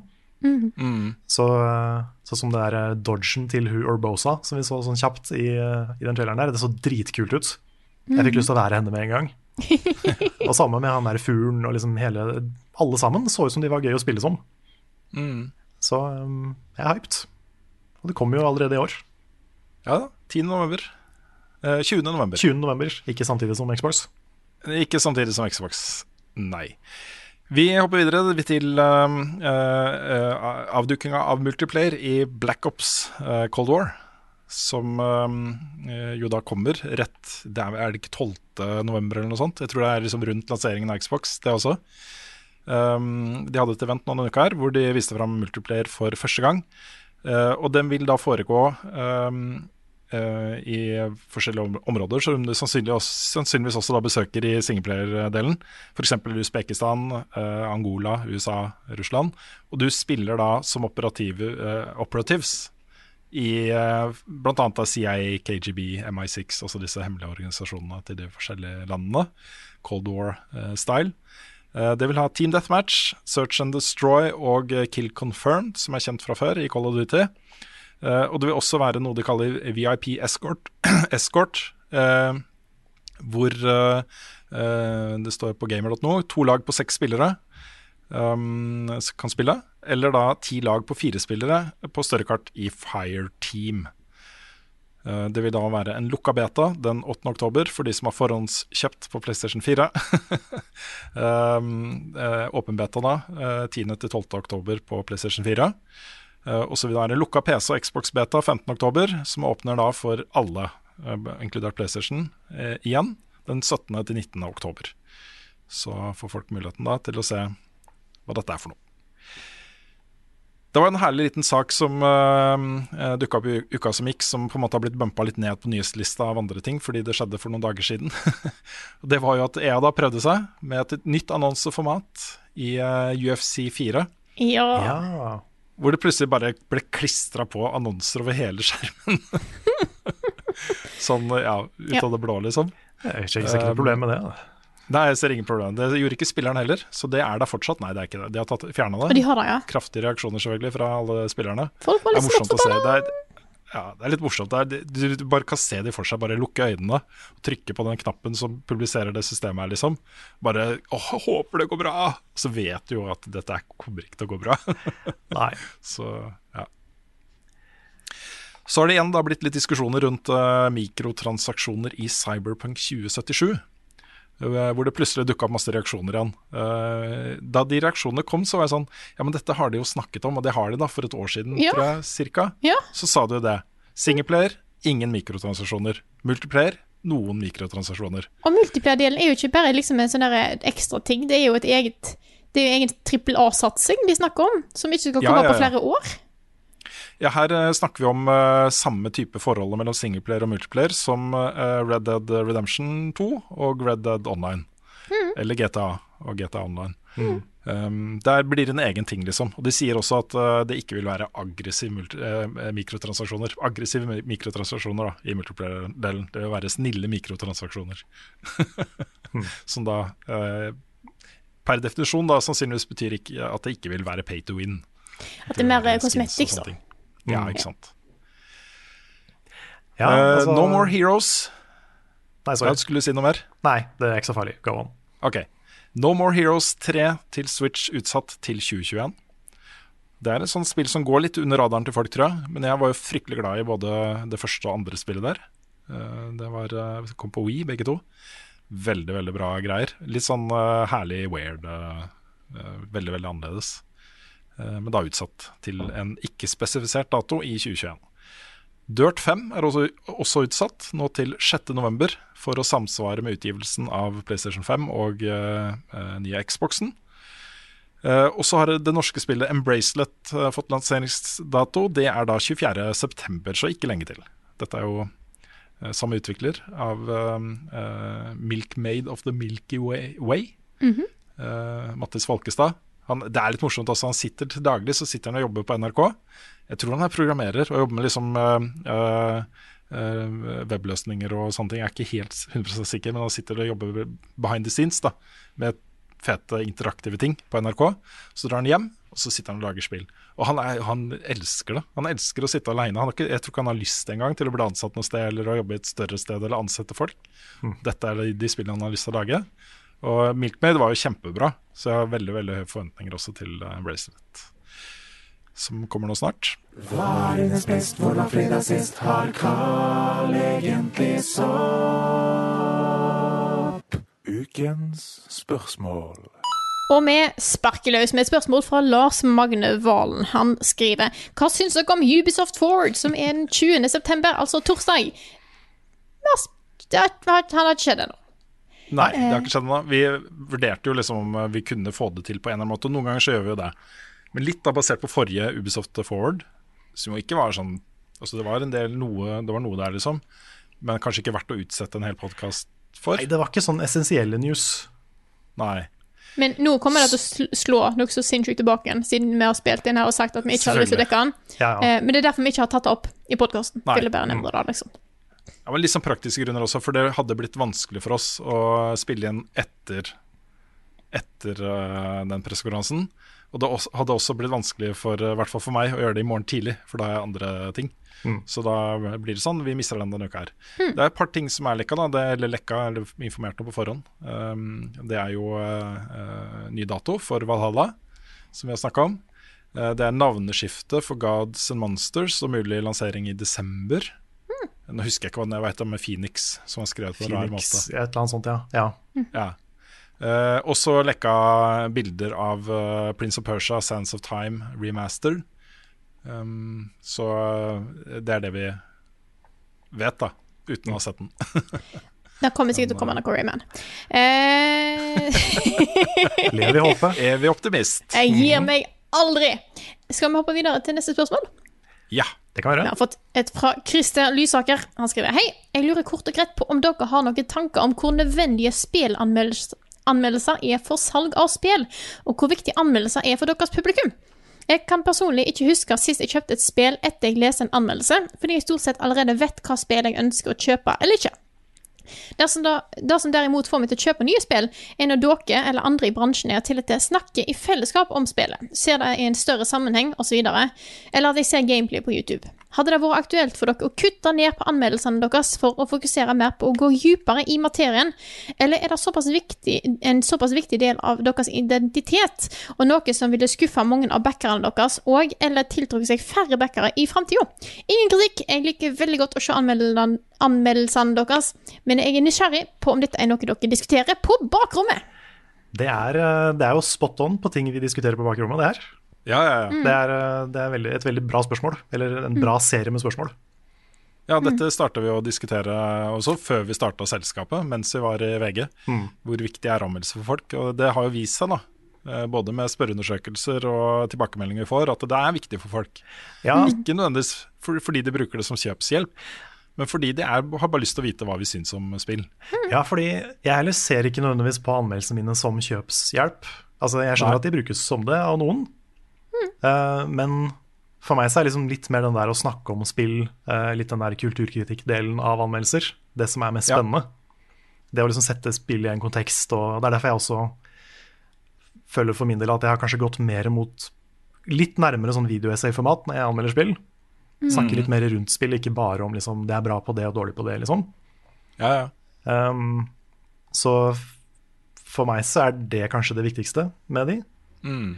Pluss Ja. at jeg føler jo at anmeldelser kanskje er det mest sånn kvalitetsmessig beste vi lager. Enig.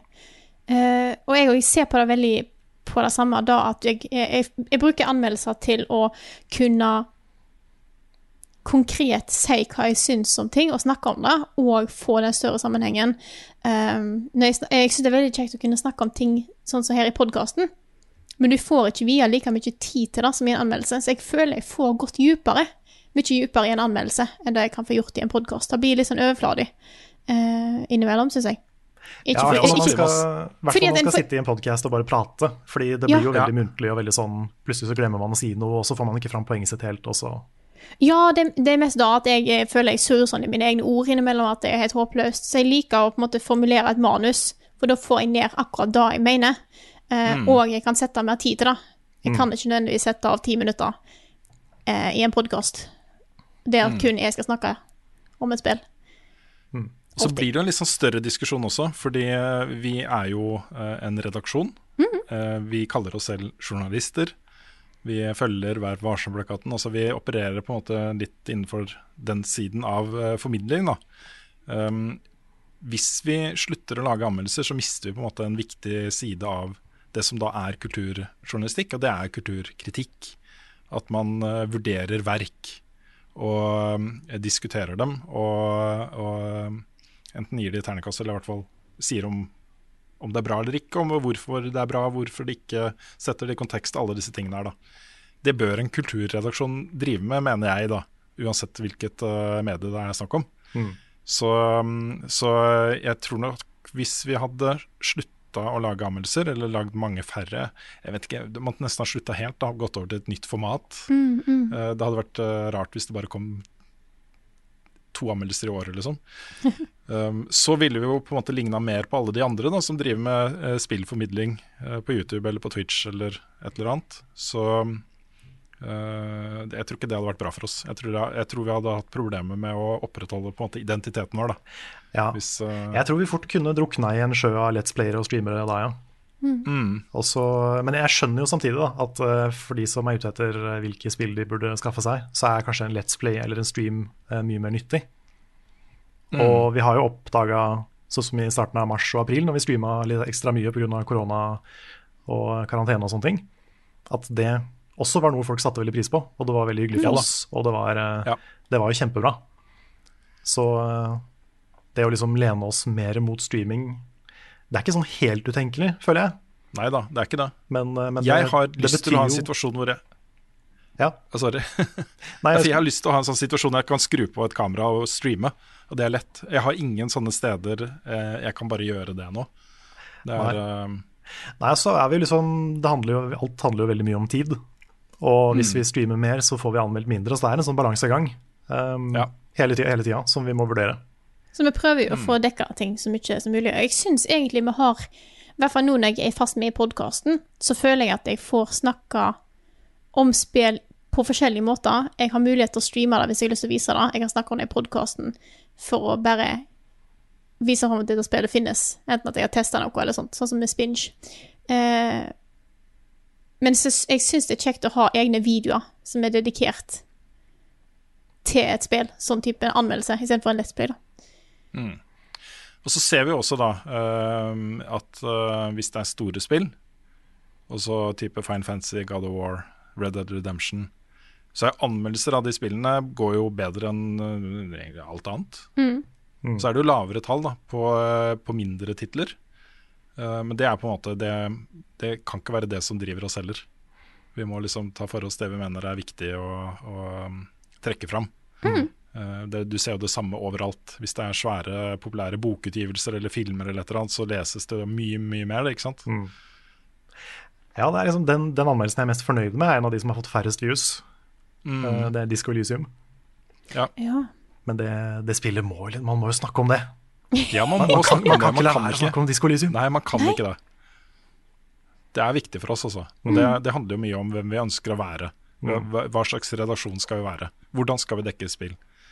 Og i Ja, det det bildet så er uh, anmeldelser ganske viktig. Mm. Jeg syns det er kjekt å på en måte For anmeldelser, siden det får en del oppmerksomhet for oss, eh, hos oss, er det kjekt å kunne ta fram de litt mindre spillene, sånn, med- sånn som jeg har gjort mye av da, de siste årene. Eh, og plutselig få fram og få da tilbakemelding på folk som har oppdaga spill eh, gjennom anmeldelser. Ikke sånn eh, bestemt seg for om de skal kjøpe det eller ei, men utvide horisonten sin via det. Men da gjør de jo via podkasten vår og sånt òg, da. Men eh, anmeldelse er liksom et ekstra sånn søkelys på ting. Men et godt, eh, interessant poeng da, i på en måte eh, ytterkanten av eh, den diskusjonen her, er jo at noen ganger så er det jo kjempeflott om vi kan ha både en anmeldelse og så tilby dybde, dypdykket, som vi har gjort noen ganger med Spoilercast f.eks. Mm. Hvor vi kan sette oss ned, eller med uh, Souls, uh, Soulmates-serien vår, hvor vi kan sette oss ned med ett spill, dykke så dypt nede som det er mulig å komme, ikke sant? yes. uh, og gjennomdiskutere det. det. Det kunne jeg tenke meg å gjøre mer av. At vi, ja, vi har anmeldelser, men vi har også kanskje noen formater eller noen måter vi kan på en måte ta diskusjonen enda et hakk videre. Da. Mm. Det, det er viktigst da for oss. Oh yes, Helt enig. Skal vi hoppe videre til neste spørsmål? det kan vi gjøre. Det kan vi gjøre. Hvem har lyst til å ta et nytt, nytt spørsmål? Ta, nå, jeg, hadde, jeg hadde det oppe, men så ja. låste telefonen min seg, og nå har den gått bort fra hele sida. Altså. Nei. Du kan begynne med Rune. Foreslår jeg. Ja, jeg, har, jeg har jo eh, jeg har et uh, Sin for-spørsmål her, jeg, da. Ja, da må jeg gå ut. OK. Ja. OK. ok Per har veldig mye på en. Just give me a sec. Ikke, det, jeg kan jeg, ta et, eh, hvile, jeg kan ta et hvilespørsmål. Er jeg klar? Ja. Jeg er klar. Uh, vi, Nei, ja. For så vidt Å, du er klar, ja? ja. Jeg hører ingenting, jeg, Karl. Ja, det har begynt. Ukens Sin4. Et veldig kort eh, spørsmål denne, gang, denne gangen. Er det Specs eller spill som er hovedfaktor for innkjøp av ny konsoll? Og det er da fra Trond Sinfor Borgersen, som vi også kunne se i eh, eh, Playtron på kanalen vår nå Ja. nettopp. Det stemmer. Vi spilte PubG med Trond. Det gjorde vi, Det var, ass. Det var gøy. Spill all the way. Ja, men ikke sant. Vi har jo, det er jo kort svar på et kort spørsmål. Men dette er jo Jeg må jo si da at jeg har jo blitt eh, Jeg har blitt mer glad i FPS enn jeg var før. Mer opptatt av det. Mer sånn aktivt søker opp den versjonen som har best framerate eller høyest framerate eller eh, For det, det har blitt en ting som er ganske viktig for meg. Men det har jo vært da fordi jeg i noen tilfeller så har jeg veksla mellom PC og konsoll f.eks., hvor det er 30 på den ene og 60 på den andre. Og det er bare så Det er så mye bedre ved 60! Det er så mye bedre, altså. Så ja, det er på en måte eh, som viktig element. Men, uh, men det er spill, altså. Det er spill. Ja. Hele Ja. Mm. Tenker på liksom både Bloodborne og Breath of the Wild kjører jo i ofte under 30. Ja da, det gjør det. Så uh, det er liksom Det er spillene som er det viktigste, ass. Jeg hadde mange titalls timer i Destiny også i 30 FPS før jeg gikk over til PC. Titalls. I hvert hvert fall 30-40 timer. ja. 40, 50. Så legger du på null, null, eller er det I hvert fall, i hvert fall en null eller to. Ja, skal jeg ta spørsmålet? spørsmål? Yes. Kjør. Eh, skal vi se. Niklas Krabbsetsve spør dersom ikke Jon Cato kommer tilbake med Troll og Loll, vil det være aktuelt for dere å ta opp fakkelen etter han og fortsette selv? Føler at den spalten har et behov og grunnlag for å eksistere. Jeg er helt enig i det. Ja, ja. Jeg, eh, jeg tenker sånn for min del, da. Jeg har jo jobba med spill nå i eh, Eller vært spilljournalist i snart åtte-ni år. Men jeg føler meg fortsatt ikke Holdt på å si, Jeg føler ikke, fortsatt ikke at jeg har den tyngden til å kjøre en troll og loll. Nei, same. Det er, det, Jeg føler jo at jeg har det, da. Ja, du kan gjøre du, har det. det jo, du, har, du er jo literally nå den mest erfarne spilljournalisten i Norge. Ja. Ja, men også, jeg har, jeg har en liten sånn langsiktig plan, da. Uh, og det er, uh, hvis vi får inn mer penger, uh, anmelde færre spill, lage mer kommentarer. At jeg prioriterer å gjøre mer av det, Mm. kontra å anmelde uh, så mange spill som mulig. da. Ja. Um, det, er- jeg tror det har vært en fornuftig bruk av, uh, av min kompetanse og, uh, og sånt. At, at jeg kanskje kunne gjort mer av det. Det nikkes. For det er, det er et hull der, altså. Um, det handler jo mye om å ta tak i kanskje vanskelige saker, eller, eller saker som det er verdt å diskutere. Og så sette det litt i kontekst og, og ta, det liksom, ta diskusjonen et skritt videre. Mm. Eh, Lage grobunn for videre debatt og de tingene der. da. Så det er jo et savn. Vi burde ha hatt mer av det. Eh, Jeg føler vi gjør en del av det i podkasten. ja jeg, jeg, skulle, Men da i jeg skulle til og med Ja. si det, at um, det, Fordi funksjonen til Trollolol var jo det å sette spill mer i et sånn samfunnsperspektiv og gå litt mer inn i spill som kultur og alt det der. Mm. Og jeg føler jo det er viktig for oss å gjøre det i podcasten og i anmeldelser og sånn også. Ja da. Uh, Og for min del så har jeg, liksom, jeg har prøvd å bli bevisst på at det er noe jeg skal bli flinkere på. Mm. Jeg har tatt litt tak i det de siste åra og prøvd å liksom gjøre det mer. Det fins en troll og loll i oss alle. Ja, det gjør kanskje det. Og liksom, og samtidig, sånn så, som vi snakka om sosiale medier i stad, jeg har ikke lyst til å være redd for å ta de samtalene. Jeg har ikke lyst til å være redd for å si For å formidle verdier, f.eks., um, Mm. i en sånn diskusjon. Og det føler jeg at vi gjør, men samtidig så er det ikke den der fokuserte trollolol-greia. Nei. Og den eh, savner jeg. Ja, fordi da kan man virkelig em, På samme måte som jobbe med manus til anmeldelser, da kan man jobbe med manus, argumentasjonsrekke og uh, uh, utvikle på en måte den, eh, den uh, argumentasjonsrekken bedre, da. Ja, Istedenfor å komme med gjøre sånne uh, klønete, klønete meninger. Prøvd å formulere Ja. løpet av fem sekunder. Yes. Ja, for Det handler jo mye da om å sette ting i kontekst for folk. Ikke sant? Få det til kanskje til å forstå litt kompliserte temaer Mm. som, uh, som uh, man ikke helt vet hva man skal mene om. Gi de, gjøre, de stand, gjøre folk i stand til å ta egne uh, valg og e ha sine egne meninger om ting. Mm. Så um, ja. Du får, bare, du får bare se dem dypt inn i øynene og si sånn at grunnen til at du må høre på meg, er fordi det er jeg som bryr meg om deg. Sånn som de gjør. Sånn som alle de skumle gjør. ja sånn Det er de bare meg du kan stole på! Ja, uff. ja, nei, det, det kommer ikke til å skje. Nei, ikke, ikke gjør det. Og ikke, ikke hør på de som gjør det heller. Nei, men altså, vi har jo, dette, dette har vi snakket mye om. Så folk er, det er sikkert noen som er litt lei av å høre om det. Men hadde vi vært bra nok funda, så er det jo sånne ting vi hadde tatt tak i. Liksom, for vi har lyst til å være en skikkelig redaksjon med nok ressurser til å anmelde alle de spillene vi bør anmelde, til å kommentere de tingene som bør kommenteres, til å gå i dybden på de spillene som fortjener det, på å gjøre alle de tingene som en god, eh, større kulturredaksjon gjør. da. Uh, og det er ikke så mye som skal til, liksom. Men uh, vi må ta noen vanskelige prioriteringer. Og, uh, og da blir det på en måte Vi får, får gjøre det vi har tid til og muligheter til å gjøre. Mm. Så, sånn, sånn, er det, sånn er det bare. Yeah. Kan jeg ta et Yes. veldig kjapt spørsmål til? Ja. For det er fra Lars Berg Yndestad, og han spør hvilket spill er nesten et mesterverk? Death Stranding. Ja, det er et godt svar. Det er, det er pinlig. Det er et, kanskje, kanskje det beste. Skal se om jeg kommer på noen andre som er i det sjiktet der. ja, for nå sitter jeg veldig her og tenker, altså. Jeg har Nå har han begynt å synge igjen, forresten. Ah, Han har begynt å synge- synge igjen. Da må vi Ah, nesten ta får vi litt musikkinnslag fra etasjen under. Mm. Jeg vet ikke. Nei. Det er sånn kanskje litt Ghost of Tsushima for meg akkurat nå. Det er så nærme fantastisk for meg. Men det er sånne små ting som synes igjen. det var et dårlig svar. Syns du det? Ja, for det spillet føler jeg ikke trenger å være et mesterverk. Det holder Nei. at det bare er skikkelig bra. Det kan du si, men det er sånn Det er et sånt spill som jeg skulle ønske var bitte, bitte litt bedre. Hvis du skjønner hva jeg mener? Mm. Samme med Mass Effect-spillene. Er sånn, De er så nesten mesterverk. David Cage. Mm. Ja, litt for langt unna. Altså. Og jeg, jeg, jeg- jeg har et par alternativer der. Ja, Tony Hawks Pro Skater 1 og 2. ja, det, det, altså, Final, det, Final Fantasy 7. ja Final Fantasy 9. Final er sånn, gi et mesterverk. Earthbound. Det er jeg bare prøver å se hvor mange kan jeg dra før jeg trigger deg, Karl. Det Ja. Nei, det, de to siste var mesterverk, men eh, de andre kan jeg gå med på. Det er sånn, det er sånn nesten mesterverk. Å, ja, er det det? Jeg trodde ja, Ok, greit. Ja, altså, Final Fantasy 7, originalen, var jo et mesterverk. Final Fantasy Ja. 7 Remake er nesten et mesterverk i den formen det tar.